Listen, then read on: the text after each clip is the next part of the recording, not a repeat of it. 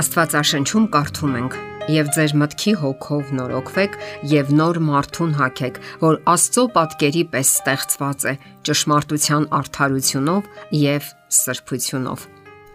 Մենք ապրում ենք մեզ նման մարդկանցից կազմված հասարակության մեջ կապված ենք նրանց հետ հազար ու մի հասարակական կապերով եւ նրանցից յուրաքանչյուրի հետ հարաբերություններում ազդեցություն ենք թողնում եւ ազդեցություն կրում։ Եվ ապրել առանց մարդկանց հետ հարաբերվելու պարզապես հնարավոր չէ։ Գերմանացի նշանավոր գրող Հայնրիխ Բյոլը հենց այդ մասին է գրում։ Իսկ նա, ինչպես եւ Քիթին, շատ էին սիրում գնալ այնտեղ, կապելով գլխաշորը Քիթին սայլակի մեջ նստեցնելով զամբյուղը ձեռքին, նա շատ էր սիրում հայտնվել հրմշտոցի մարդկային հոց խմբի մեջ, զգալ նրանց հպումները, նույնիսկ նրանց հոտերը։ Նա դիտավորյալ գնում էր այնտեղ, որտեղ ավելի շատ մարդ կա, եւ չէր վախենում, ինչև նրան պատկերավոր չնկարագրեցին նման արշավների ամբողջ վտանգը։ Իսկ ինչպիսի կյանքով եք ապրում դուք։ Կյանքի ինչ դասեր եք թողնում շրջապատին, մարդկանց, կյանքի ինչ օրինակ եք տալիս ձեր կեցվածքով ու վարվելակերպով։ Սա շատ կարևոր է, որովհետև կյանքը վաղ թե ուշ ստիպում է մտածել այդ մասին։ Շատ ավելի կարևոր հարցեր կան, քան միայն մեր գիտությունն ու գիտելիքները։ Ձեր հարուստ կենսափորձը պետք է նպաստի, որ կարողանաք ճիշտ հետևություններ անել սեփական կյանքի պատմությունից ու սխալներից եւ թույլ չտաք, որ հետագայում էլ շարունակեք նույն կերպ վարվել։ Հասարակական կյանքում ընդունված է, որ մարդիկ նույն ձևով հակադարձեն միմյանց, սակայն հոգեվորությունը ենթադրում է, որ եթե ինչ որ մեկը մեզ նեղացրել է, նույն ձևով պետք չէ պատասխանել նրան, ընդհակառակը հարկավոր է բարիք գործել նրա համար։ Եվ նման որոշումներից էլ կախված է մեր կյանքը, երբ մեկ խոսքն ու արարքը կարող են փոխել իրավիճակը։ Անկամ մեկ փոքրիկ զգացմունքի դրսևորումը կարող է փոխել կյանքը Պետք չէ նաև մտածել, որ պահը բաց եք թողել։ Ցանկացած տարիքում, ցանկացած քաղաքում, ցանկացած պահի մենք կարող ենք որոշում ընդունել եւ փոխել մեր ողջ կյանքի ընթացքը։ Ամեն ինչ կախված է միայն մեզանից, ուրիշ ոչ մեկից։ Ընդհանուր առմամբ մարդիկ քիչ են գնահատում ինչ որ մի բան կամ ինչ որ մեկին։ Ամեն մեկը ապրում է իր մեջ եւ իր համար։ Այնքան քիչ բան են նկատում շուրջ բոլորը՝ գեղեցիկն ու լավը Իսկ եթե նկատում են, ապա ոչ թե այդ երևույթի կամ այդ անznավորության համար փակ սենյակում աղոթելու, այլ քննարկելու համար։ Նրանք չեն նկատում իրենց ճանապարհին հոգնած մարդկանց, ովքեր սпасում են գոնե մի կաթիլ ջերմության ու կարեկցանքի կամ պարզապես բարերի, որոնք վերստին կյանքի կկոչեն իրենց։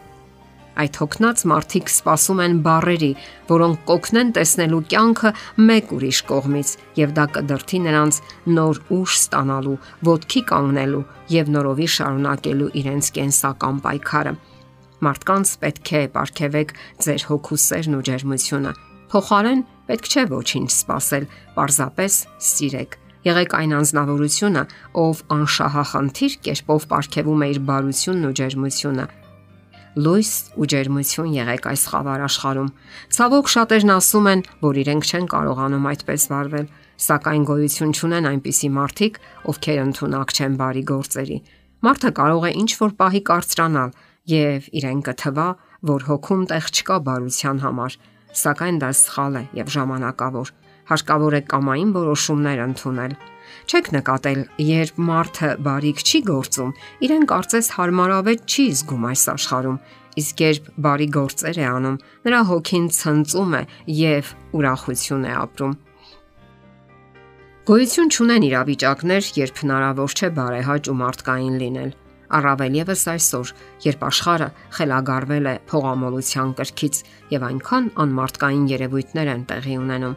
Վարվելով մարդկայնորեն մենք մեր վճռական ներդրումն ենք ունենում համամարտկային բարօրության գանձարանում։ Իսկ դա հնարավոր է միայն այն դեպքում, երբ մարդկային քարացած սրտերում Աստվածային սիրո հուրն է ողջկլտում։